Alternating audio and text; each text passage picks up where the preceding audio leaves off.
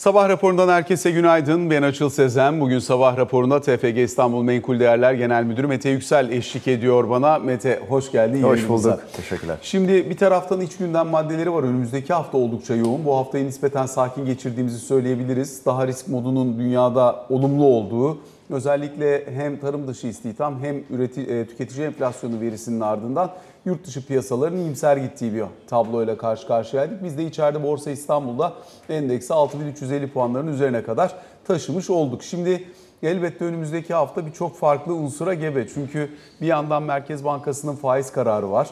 Diğer taraftan yine özellikle enflasyon raporu yaklaşıyor. Burada verilecek olan mesajlar ayın 27'si itibariyle ön plana çıkmaya başlayacak. Hani kabaca Temmuz'un sonuna kadar sürebilecek bir acaba nasıl dizayn edilecek politikalar tablosuyla karşı karşıya olduğumuzu söyleyebiliriz. Önce bir istersen önümüzdeki haftaki faiz kararına dair beklentilerinle başlayalım. Sonra potansiyel diğer etkiler ve Borsa İstanbul çerçevesine oturturuz. Ne bekliyorsun para politikası kurulu toplantısından?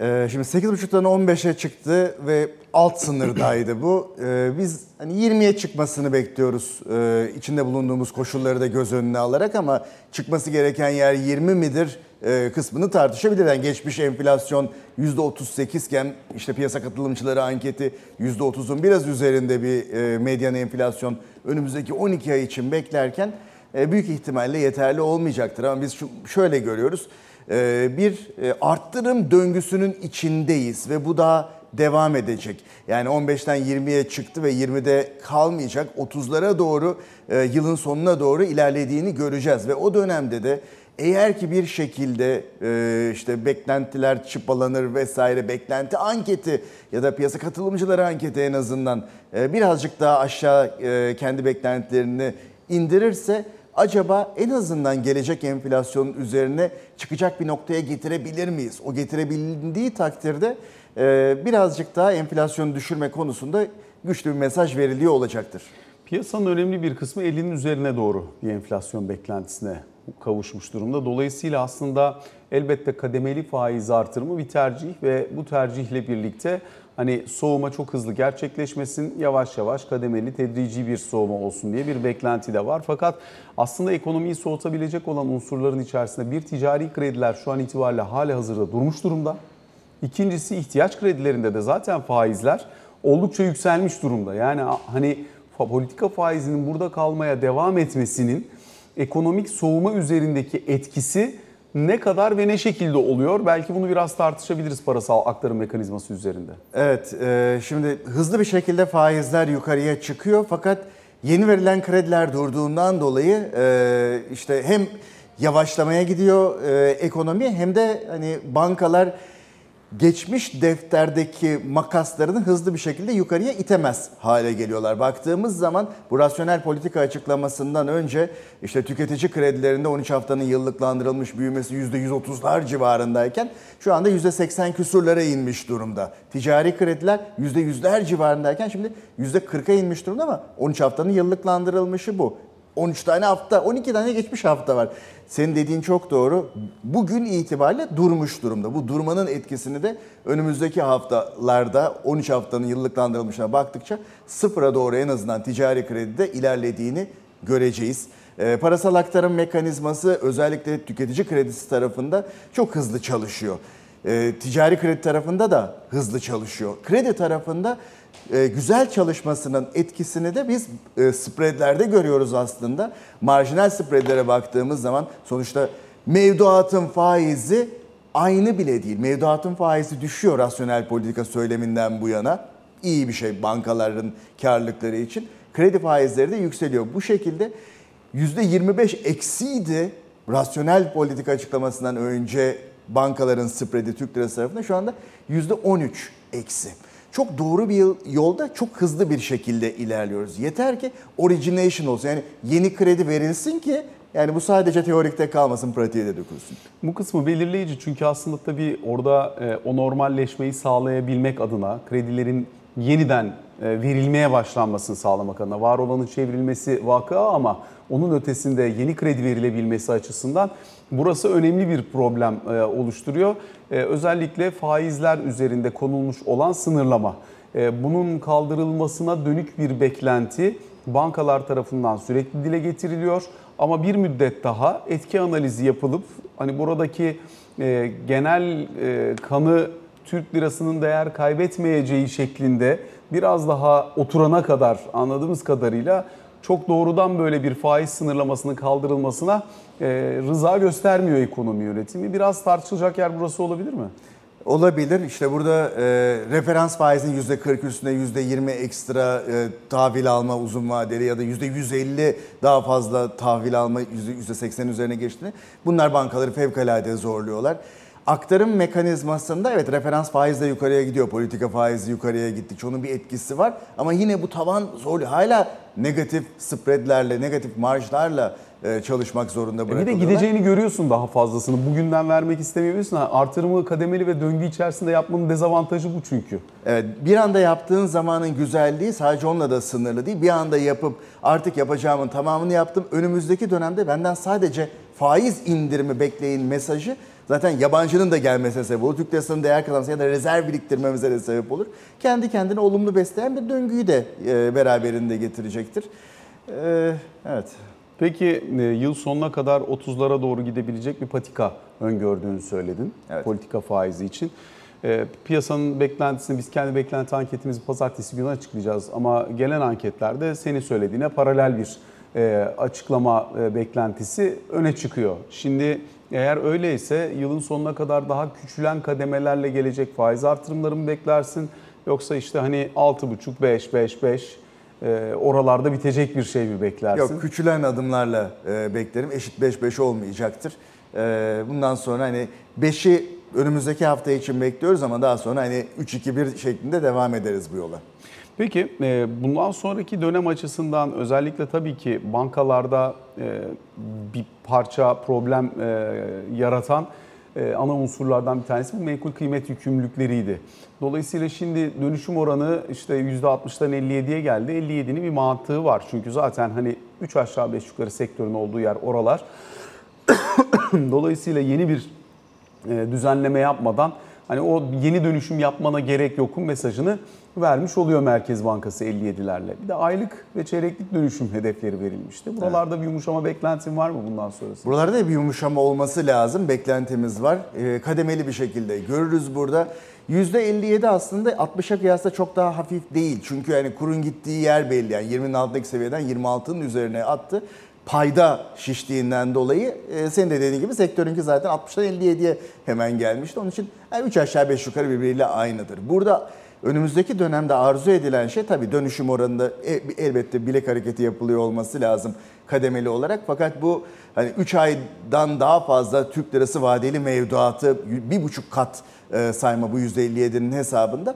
O da işe yarayacak bir şey olacak. Onun getireceği şey bence ekonomi birden fazla olacak. Yani kur korumalı mevduattan Türk lirası vadeli mevduata bir geçiş için bankalara bir teşvik vermiş oluyorsun. O teşviğin sonucunda bankalar büyük ihtimalle işte 45'lerden şimdi 40'ın altına doğru gerilemiş olan Türk lirası vadeli mevduat faizlerini peyderpey yukarıya ittirecekler. Ve senin daha önce programda konuştuğumuz gibi eğer ki yukarıya ittirirlerse bir de önümüzdeki 12 aya ilişkin enflasyon beklentileri biraz törpülenirse orada güzel bir reel faiz de ortaya çıkmaya başlayabilir mi acaba? İnsanlar gönüllü olarak ellerindeki döviz mevduatını dönüştürmeye başlarlar mı e, acaba? Bu da yine e, pozitif bir döngüyü tetikleyebilecek bir durum olacaktır.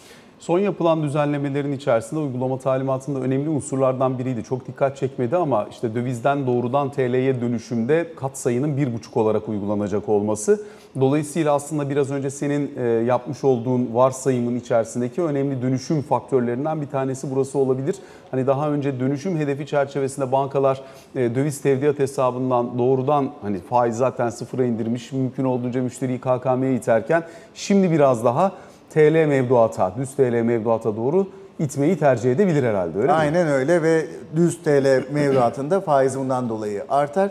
İnsanlar o tarafa doğru kanalize olurlar tasarruf sahibi. Nereye kadar bekliyorsun mevduat faizlerini? Çünkü 40'ların altına doğru 40'ların gelmişti. altına gelmişti. Tekrardan hani 40'ın üstündeki seviyelere, daha önce gördüğümüz işte 45 gibi e, seviyelere doğru ilerlemesi lazım ki insanlar teşvik edilsin mevduatını Türk lirası vadeli tarafta değerlendirmeyi konuştuğumuz bankalarda bu hani yavaş yavaş bir teveccüh oluştuğunu görüyoruz ama çok hızlı da görmüyoruz. E, baktığımız zaman KKM'lerin E, yani ben bankalarla tek tek konuşuyorum e, üst seviyeden. %70'ler civarında bir KKM'nin e, rol edildiğini görüyoruz şu anda. Hatta E, büyük ka- bankalarda 80'e 90'a çıktı son dönemde diyorlar. e, bazı bankalar 90 diyor ama pek çok bankada %60 ve 6 seviyeleri e, kaydediyor. Onun için ortalama 70 civarında dememin sebebi budur. E, onun için oradan bir yani e, atılda bırakılan ve döndürülmeyen kısım var. Bu döndürülmeyen kısım çok büyük ölçüde TL vadeli mevduata henüz dönmüyor. Ama önümüzdeki dönemde bu faiz verilirse bence o da başarılacaktır. KKM faizinde bir değişiklik bekliyor musun? çok hızlı bir şekilde aşağı geliyor aslında. Ee, Ondan dolayı oradaki tatlandırıcıların azalması, hem faizin düşmesi hem işte önden ödenen prim, geriden gelen prim bunlarda e, eskiye kıyasla daha az bonkör olması e, bankaların evet ya o yolda olduğumuzu gösteriyor. Şimdi kur korumalı mevduatta kabaca 2.8 trilyon lira yani 3 trilyon liraya yaklaşan bir e, seviyeye geldik. Tabii ki buradaki hızlı gidişin önemli faktörlerinden bir tanesi faizin yükselmiş olması. Faiz getirisi geliyor. Kur yükseldi. O belli oranda burayı yukarıya itmeye devam ediyor. Sonuçta bunun bir hani duraksama aşaması var ya o duraksama aşamasına ne zaman gelinmesi beklenebilir? Biraz belki onun üzerine konuşmak lazım. Ee, Yani yakın yavaş yavaş o tarafa doğru evriliyoruz bence. Uzakta değiliz oraya. Peki yine e, bankaların toplam kaynak maliyeti üzerinden baktığında, paçal kaynak maliyeti üzerinden baktığında ne kadar vadede nerelerde dengelenmesi beklenebilir? Yani eğer yıl sonu 30'lar civarında politika faizi bekliyorsan yıl sonuna kadar hani biraz önce bahsettiğimiz senaryolar çerçevesinde topladığı paranın ortalama maliyetini nerelerde görebilir bankalar? O zaten işler normalleştiğinde parayı vermenin yani kredinin maliyetinin nerelerde şekilleneceğini de gösterebilir herhalde. Yani e, ondan daha öte bence kredinin kendi e, e, faizinin rahat bırakılması suretiyle kredi faizinin yukarıya gönderilmesi. Onun için diyorum yani bırakıldığında nerede oturacak, nerede oluşacak? Kredi tarafını konuşuyorsak e, mevduat tarafını değil, mevduat tarafında %40'lar civarında bir e, şu anda Türk lirası vadeli mevduatta faiz var. Ama bankaların tek kaynağı o değil. Bunun içinde vadesiz mevduat da var, işte para piyasasından alınan fonlar da var. Hani 30'lar 30'un altında bir e, seviyelerdedir.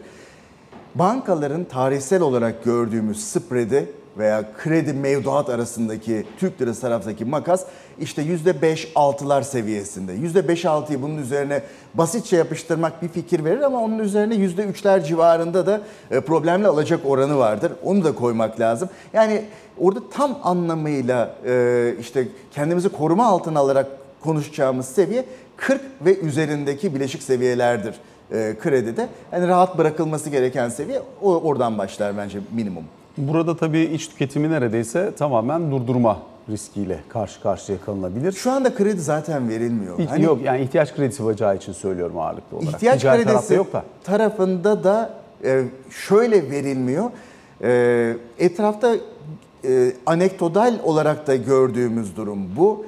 Kredilerde, tüketicilerde %130'luk 13 haftanın yıllık bileşiğinin işte 80'lere gelmesinin bize gösterdiği bu ki dediğimiz gibi 13 tane hafta var orada %80 önümüzdeki dönemde o da e, çok Çok çok, daha düşük gelecek. seviyelere e, gelecek. Herkes kullanabileceğini zaten maksimumunu kullanmıştı. Özellikle overdraftlarda yani kredili mevduat hesaplarında ve kredi kartlarında nakit çekilebilir rakamların çok ciddi aşağı gelmesi. Üzerine de faizlerinin 1.36'dan 1.91'lere gitmesi. Yani hem arz tarafı azalıyor hem talep tarafı da azalıyor. Şu anda bence zaten dibe yakın e, seviyelerdeyiz. Ondan dolayı da önümüzdeki dönemde 40 ve üzeri ticari kredide faiz de görsek e, veya tüketici kredisinde de daha yüksek faizler görsek eğer ki availability varsa yani piyasada para varsa insanlar bir şekilde işletme sermayesi ihtiyacını karşılamak isteyen veya bireylerin kendi nakit ihtiyaçları için buna razı olup bunu ödeyeceklerdir zaten. Yeter ki e, dolaşımda para olsun. Ve vermeye iştahlı bir bankacılık kesimi olsun. Kesinlikle. E, Şu anda pek de öyle bir durum şundan dolayı da yok. Sadece faiz durumundan değil. Yeni mevduat da pek yaratılmıyor gibi. Hani mevduatta da bu 13 haftanın yıllıklandırılmışlarına vesaire baktığımız zaman işte %40-50 arasında Türk lirası e, mevduatta bir artış var. Hani hiçbir Faiz şey değil. gösteriyor tabii. Aynen sadece o kadardır. Yani reel bir giriş yok. E, Döviz tarafında %30 küsürlerde daralma var 13 haftanın yıllıklandırılmışında. Döviz tevdiat hesaplarında gerileme, KKM'de artış. Dolayısıyla hani ana tema şimdi burada. Eğer önümüzdeki dönemde e, burada bir normalleşme beklenirse bir de şunu sorayım ya bizim daha önceki dönemlerde kur sıçradığında elimizin altında her zaman yastık vazifesi gören bir mekanizmamız vardı. Döviz tevdiat hesapları kur yükseldiğinde satışlarla kuru dengeleyici faktörlerden bir tanesine dönüşürdü. Şimdi KKM tabii bunu önemli ölçüde zayıflatmış oldu. Ee, şimdi bundan sonrası için burada bir dengelenme bekler misin? Döviz tevdiat hesaplarında yani bugünden yarına KKM'nin kalkması zaten mümkün olmadığını biliyoruz. Ama tatlandırıcılar azaldığında o zaman oradan DTH'a dönüş riski var mı? Var. Onun için çok hızlı bir şekilde Türk lirası vadeli mevduat üzerinde herhangi bir baskı var ise o baskının kalkması hatta Türk lirası vadeli mevduatta e, daha fazla faizin teşvik edilmesi lazım. O bir buçuk kat uygulaması bunun aslında bu teşvik mekanizmasının bir parçası. Bir nokta gelecek o kırılım noktasını yavaş yavaş test edeceğiz. O kimse için reddedilemeyecek bir teklif olacak. O dönem işte hem döviz tevdiat hesabından bile geçiyor, KKM'den de geçiyor. Yastık altında da yurt dışındaki paranın da Türkiye'ye gelip Türk lirası vadeli mevduata geçmesine sebep olur. Şimdi o zaman yavaş yavaş Borsa İstanbul tarafındaki performansa da geçelim. İşte bir yandan bilanço dönemi başlayacak. Dolayısıyla e, hani biz BDDK verilerinden 3 aşağı 5 yukarı ne bekleyebileceğimizi biliyoruz. Banka bazında ne kadar farklılaştığını görmeye çalışacağız. Ne bekliyorsunuz bilanço dönemi için? İyi bekliyoruz yani e, şöyle e, özel büyük bankalarda çeyrekten çeyreğe genelinde kar büyümesi olmasını bekliyoruz. Bu aslında en başta beklemediğimiz bir şeydi. Bu aslında bir e, sürpriz durum olduğunu söyleyebilirim. Birinci çeyrek iyi olacak ondan sonraki her çeyrek daha zayıf gidecek beklentimiz vardı. Bunun e, kırılmasına sebep olan durum aslında dövizde dolar al satında, euro al satında %10'lara açılmış olan spread ve o kadar fazla işlem oldu ki tamam bankalar spread kaybediyorlar. Pek çok banka Türk lirası kredi mevduat makasında eksiye dönmüş durumda ama o kadar fazla bu döviz alım satımından ekstradan bir spread yazılmış durumda ki e, bu her şeyi kurtarıyor ve pozitife geçiriyor gibi duruyor. Tabii bunun üzerine bazı farklı faktörler de var. Seçime giden yolda ekonomi sıcaktı. Sıcak ekonomide e, yeni krediler veriliyor. Kredilerden komisyon en azından tahsil ediliyor. Yeni kredi verildiği için piyasada dolaşımda bir miktar para olduğundan dolayı problemli alacaklar artmıyor. Hatta eskiden problemli olmuş alacaklardan tahsilatlar da var. Bunların olumlu etkisi var. Ondan dolayı ikinci çeyrek iyi olacak. Şimdi üçüncü çeyrek ve dördüncü çeyrek biraz daha zayıf olabilir mi acaba e, diye düşündüğümüz çeyrekler olacak. Üçüncü çeyrek spread açısından e, ikiden birazcık daha zayıf olacak gibi duruyor. Toparlama başladı ama yani Nisan ve Mayıs fena aylar değildi.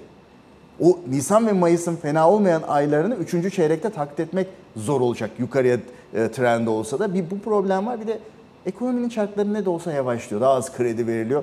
Problemli alacaklar yavaş yavaş ortaya çıkmaya başlayacak. Deprem bölgesindeki ertelenmiş olan problemler Ağustos sonraki dönemde banka mali tablolarına yansımaya başlayacaklar. Ondan dolayı biraz daha temkinli olmak lazım. Bu bilanço dönemi için daha iyi beklediğiniz banka var mı? Hani özel net büyük bankalar iyi. Ee, Akbank'ın nispeten daha iyi bir e, mali tablo açıklamasını e, bekleyebiliriz. %35'ten 40'a yükselttiği enflasyon endeks tahvillerinin enflasyon bacağı olmasından kaynaklanıyor bu. E, onun dışında özel büyük bankalar genel olarak iyiler. Kamu bankaları? E, kamu bankalarında e, bir kar erimesi olacak. Yani e, birinci çeyreğe kıyasla e, karlar bayağı ciddi aşağı gelecektir. Yani %50 ila 70 arası aşağı gelebilir gibi duruyor ama en azından pozitif karlar görecek olmamız bence rahatlatıcı. Yani kamu bankaları açısından da zorlayıcı bir durum. Yani bir taraftan çok kredi vermek istemiyorlar ama çok az da vermek istemiyorlar. Hakikaten zor bir durum orası kamu bankaları Doğru için. tabii onların farklı misyonları var. Ekonomiyi desteklemeleri lazım. Anlıyoruz oradaki durumu da.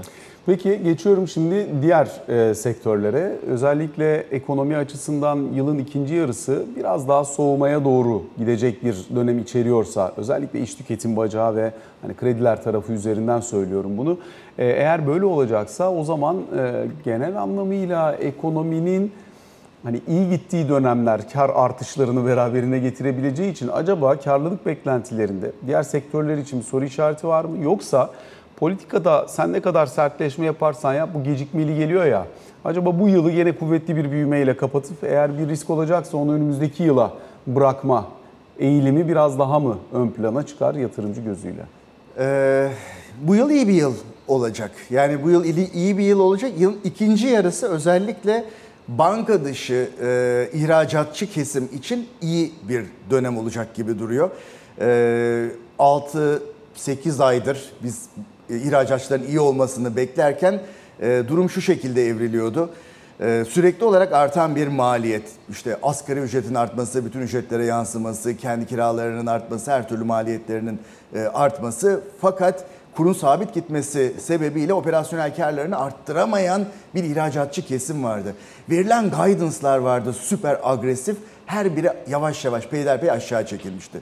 Şimdi içinde bulunduğumuz dönemde 26'ya gitmiş olan kur en azından kur tarafında bir miktar rahatlatıyor o şirketleri ve bizim borsayı oluşturan şirketlerin çok büyük bir bölümü ya ihracatçı ya malını dövizle fiyatlıyor ya yurt dışından müteahhitlik geliri var ya turizm işi yapıyor o da dövizli petrokimyası demir çeliği hepsi dövizle nihayetli olarak fiyatlanıyor. Fakat Türk lirası olarak ta- ta- bizim takip ettiğimiz e, piyasa değerleri var. Elbette bunlar bundan dolayı beslenecekler. Ve yılın ikinci yarısında vali tablo açıklandıktan sonra bunun gerçek etkisini satın almaya başlayacağız. Bugüne kadar sadece söylemsel olarak, duygusal olarak etkisi olur muyu satın alıyorduk. Gerçekle yüzleşip şimdi bundan sonra onları satın alma zamanı. E, enflasyonla beslenen sektörler var. İşte iskontolu gıda perakendeciliği vesaire. Onlar da bundan olumlu etkilenecek. Onun için yılın ikinci yarısı pek çok sektör için iyi olacaktır. Borsayı da yukarıda tutacaktır. Zorlanabilecek olan sektörler nereler? İthalatçı olanların normal şartlarda zorlanmasını bekleriz. Fakat onlar da zorlanmıyor gibi görünüyorlar ve ikinci çeyrekte de çok güçlü mali tablolar açıklayacaklar gibi görünüyor. Yani elektronik ithalatçılar, oto ithal edip satanlar. Çünkü inanılmaz büyük bir talep var. Ee, daha da devam eder mi bu trend daha geç olmadan talebimi önden yükleyeyim e, diyenlerin getirdiği bir talep var. Bir nokta itibariyle bunun nefesinin kesilmesi lazım. İkinci çeyrek iyi gelecek. Üç de belki fena gitmeyebilir ama yılın sonuna doğru orada bir duraksama dönemi göreceğimizi düşünüyorum.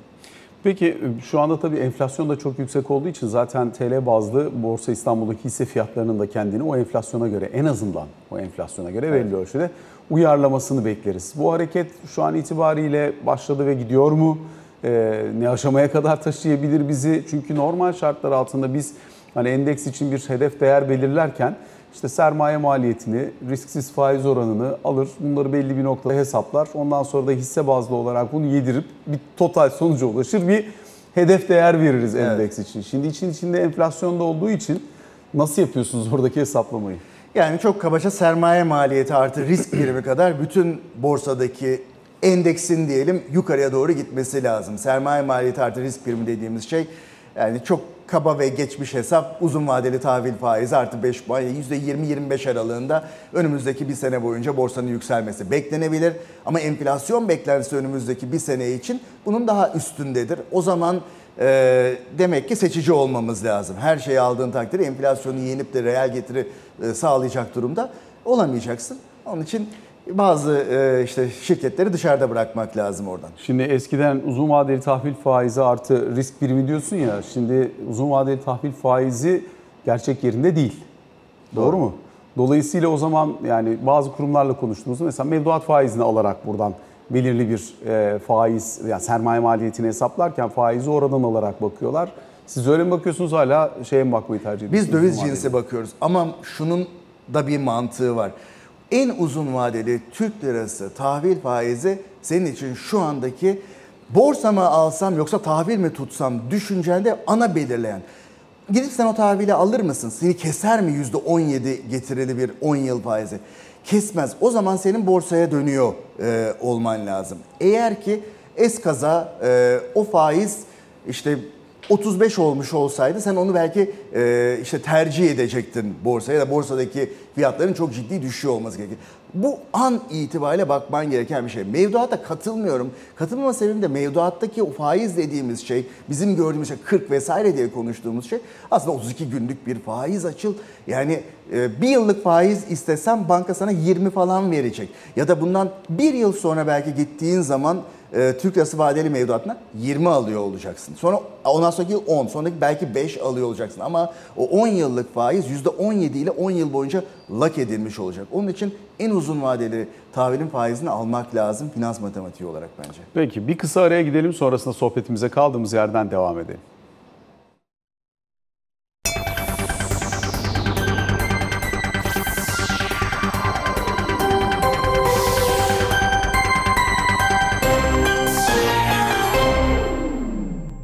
Sabah raporunun ikinci bölümüyle karşınızdayız. TFG İstanbul Menkul Değerler Genel Müdürü Mete Yüksel'le sohbetimize kaldığımız yerden devam ediyoruz. Mete ilk bölümü kapatırken bono faizlerinden bahsetmiştik. Birazcık bono tahvil piyasasında olup bitene de bakalım istersen. Çünkü o mikro ihtiyati önlemler çerçevesinde çok yoğun bir zorunlu karşılık yüklenimi gerçekleştirdiği için bankalar 5 yıl ve üzeri vadedeki kağıtlara muazzam bir e, ilgi alaka oluştu. Yani çıkmadan havada kapılan, piyasaya çıkar çıkmaz alınan bir e, kağıt modeline dönüşmüştü orası.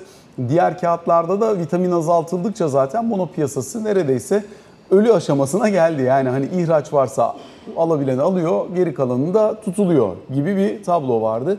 Burada bir normalleşme bekliyor musun bir aşamada? Orası neresi olacaktır? Elbette hazinenin borçlanma gereğinin bu kadar arttığı ki zaten işte 3 katına kadar çıkartıldı, artırıldı e, hazinenin borçlanma evet. imkanı da. Böyle bir ortamda kamudan bekler misin oradaki bono faizlerinde bir normalleşme döngüsüne girmeyi? Oranın normalleşmesi için ön koşul işte bu dönüşüm oranlarının veya Türk lirası mevduatın toplam içindeki pay için verilmiş sınırın 60'tan 57'ye, 57'den 50'ye ve daha aşağı ve en sonunda ortadan kalkması. Yani KKM'nin yok olması e, gerekiyor. Bir de tabii aktarım mekanizması var. Fena da çalışmaması sağlanmış bir aktarım mekanizması var. Politika faizi yükseldikçe de tahvil faizleri e, yavaş yavaş yukarıya gitmek zorunda kalacak matematiksel olarak. Onun da bir etkisi olacaktır. İstiyoruz ki orası öyle bir seviyeye gelsin ki olması gereken yere gelsin. Arz ve taleple belirlenen seviyeye gelsin. Zaten swap piyasası ufaktan çalışmaya başladı Londra'da. Yabancının bir iştahı olduğunu görüyoruz işte dün de geldi. 3 hafta üst üste e, tahvil bonoya Türk lirası tarafta giriş olmuş. Ama ufak ufak girişler bunlar. Bunun şu anda yabancının tahvil bonodaki payı işte 0.6'dan 0.68'e yükseldi diye sevindiğimiz bir yerdeyiz. Ya 5-6 sene önce %27-28'e gitmişti bu. Yani orada aslında yabancıyı cezbedecek, carry trade yapmayı, yani parasını Türk lirasına dönüştürüp TL faizi alıp sonra e, kendi parasına dönüştürüp gittiğinde artıda olmasını e, getirecek o yolu açıyor olmamız lazım. Bence orada da doğru yolda ilerliyoruz şu anda. Zaman meselesi. Seçimden sonra geçen süre zarfında 1,5 milyar dolara yaklaştı neredeyse e, borsaya giren yabancı. Dolayısıyla e, hani belli başlı yerlerde belli başlı pozisyonların alındığını görüyoruz. Londra'da bir miktar Türk lirası da var. Evet. Hani daha öncenin aksi, aksine e, görebildiğimiz kadarıyla. Dolayısıyla ne kadar etkili oluyor son hareketlerin içerisinde? E, giriş olduğunu görüyoruz. Son 5 hafta üst üste e, borsaya yabancı girişi olduğunu gördük. En son açıklanmış 7 Temmuz verisinde 231 milyon dolardı. 1.33 milyar dolar. 1.3 e, milyar dolar toplam giriş oldu. E, giriş oldu sadece borsaya. Bunun üzerine son 3 haftada da işte Türk lirası tahvil bonoya bir e, giriş oldu. Borsadaki yabancı payı 27.4'ten 29.4'e e, yükseldi bu rasyonel söylemlerin başlamasından e, bugüne kadar. Ya orada daha gidecek çok yolumuz var ama yabancının girdiğini ve gerçek yabancı yatırımcının hani e, batılı yabancı yatırımcının girdiğini görüyoruz. Bize gelen sorulardan da bunu görüyoruz. Daha önce e, bayağıdır konuşmadığımız yabancı yatırımcılar yine e, batılı e, arayıp hisse soruyorlar. Sektörlerle ilgili ne düşündüğümüzü, hangi bankayı tercih ettiğimizi sormaya başladı. Bir ilgi olduğu net. Şimdi sektör bazında da çok fazla tartışma olduğu için biraz onların üzerinden gitmek istemiyorum. Mesela havacılık sektörü var, muazzam gidiyor ve e, hisse performansları da çok iyi gidiyor, doluluk oranları da çok iyi gidiyor. Dolayısıyla mesela burası e, yabancı yatırımcı açısından da önemli bir de endeks açısından da önemli. Yani mesela Türk Hava Yolları'nın endeks içerisindeki ağırlığına baktığın zaman hani orası giderse her yer gidiyor gibi oluyor. Dolayısıyla nasıl görüyorsun mesela havacılık tarafını? Çok iyi bir turizm sezonu geçiriyoruz. Havacılıkta döviz girdisi olan bir sektör. Ee, kesinlikle olumlu e, gitmeye devam edecek gibi görünüyor. Çarpanlarına baktığımız zaman da hani komik çarpanlarla e, işlem görüyoruz. Dünyadaki benzerlerinin işte yarısın civarında çarpanlarla işlem görüyor bizim e, havacılık sektöründeki büyük şirketler. Ee, ondan dolayı yani cazip durmaya devam ediyor gibi görünüyor. Türk Hava Yolları, Pegasus, TAV, Çelebi dört tane havacılık tarafındaki pozisyonlanabilecek şirket. Hangisini daha ön plana çıkartıyorsunuz? Bu arada Pegasus'un da biz dün akşam CEO'sunu ağırladık Gülizar'ın. Tabii ki yayın sırasında söyleyemedik kapı açıklaması olmadığı için ama 36 tane de yeni uçak siparişleri daha var. Evet. O da açıklanmış oldu. Evet. Yani çok büyük bir talep artışı var ve hepsi topyekun olumlu etkilenecektir. Bizim tavsiye listemizde şu anda e, biz küçük hisselere odaklanmayı kendimizin nişi olarak seçmiş bir aracı kurumu olarak onlar bize biraz daha fazla büyük kaçıyor. Tavsiye listemizde olmadığından dolayı ben söyleyeyim ama sektör olarak genel olarak beğeniyoruz. Peki küçük hisselerde e, şimdi tabii küçük hisseler deyince ortalık biraz karışıyor. Çünkü hani e, likiditesi sınırlı, Evet. e, kademe bulamayabildiğin, dolayısıyla aslında biraz zorlanabildiği yatırımcıların ama hani birisi girdi mi de orayı çok rahat taşıyabildiği bir alan. O yüzden sizin kendinize seçtiğiniz alan o açıdan biraz daha zorlayıcı. Orada hani hem likiditesi hem şirketi hem de aynı zamanda tabii oraya gittiğin zaman patronuna bakmak zorundasın şirketin. Patronu kim? Yani dolayısıyla buralarda güvenilir bulduğunuz, o yapının içerisine dahil edebildiğiniz neler var elinizde? Ee, şöyle söyleyeyim. Biz bir kere şirketin en üst yönetimiyle toplantı yapmadan asla bir şirketle ilgili rapor yazmayız. Rapor yazdığımız zaman da onun içinde indirgenmiş nakit akımı, işte benzer yabancı şirketlerle karşılaşması kadar her şey olur. Bizim için transfer fiyatlaması çok önemlidir. Patronun ayrı bir şirketi var mı? Bu şirketten satın alıp sonra satış işi yapan falan. Bunların tamamen steril oluyor olması lazım. Ee, orada yani pek çok şirket var şu anda coverage'ımızda 15'ten fazla şirket var. En son yazdığımız işte DESA e, deri raporu var. İşte İtalya'da büyüme hikayesi vesaire var. Bizim web sitemiz herkese açık. Oradan bütün bu detayları herkes e, okuyup ulaşabilir. İşte Gürsel Turizm var beğendiğimiz. Teknosa var, Penguin var. Pek çok hisse e, var küçük hisse tarafından. Bizim orada bu nişi tercih etmemizin sebebi aslında şu. 20 küsür tane aracı kurum var araştırma bölümü e, çalıştıran ve oradaki benim de eski matematiğim oydu. BIST 100'ün %80'ini şu 10 hisseyi cover ederek zaten karşılıyoruz. Kalana gerek yok ama o zaman herkes işte Ereğli Demir Çelik Şişecam Türksel cover eder halde buluyor e, kendini ve ekstra bir katma değer yaratamıyorsun yatırımcıya.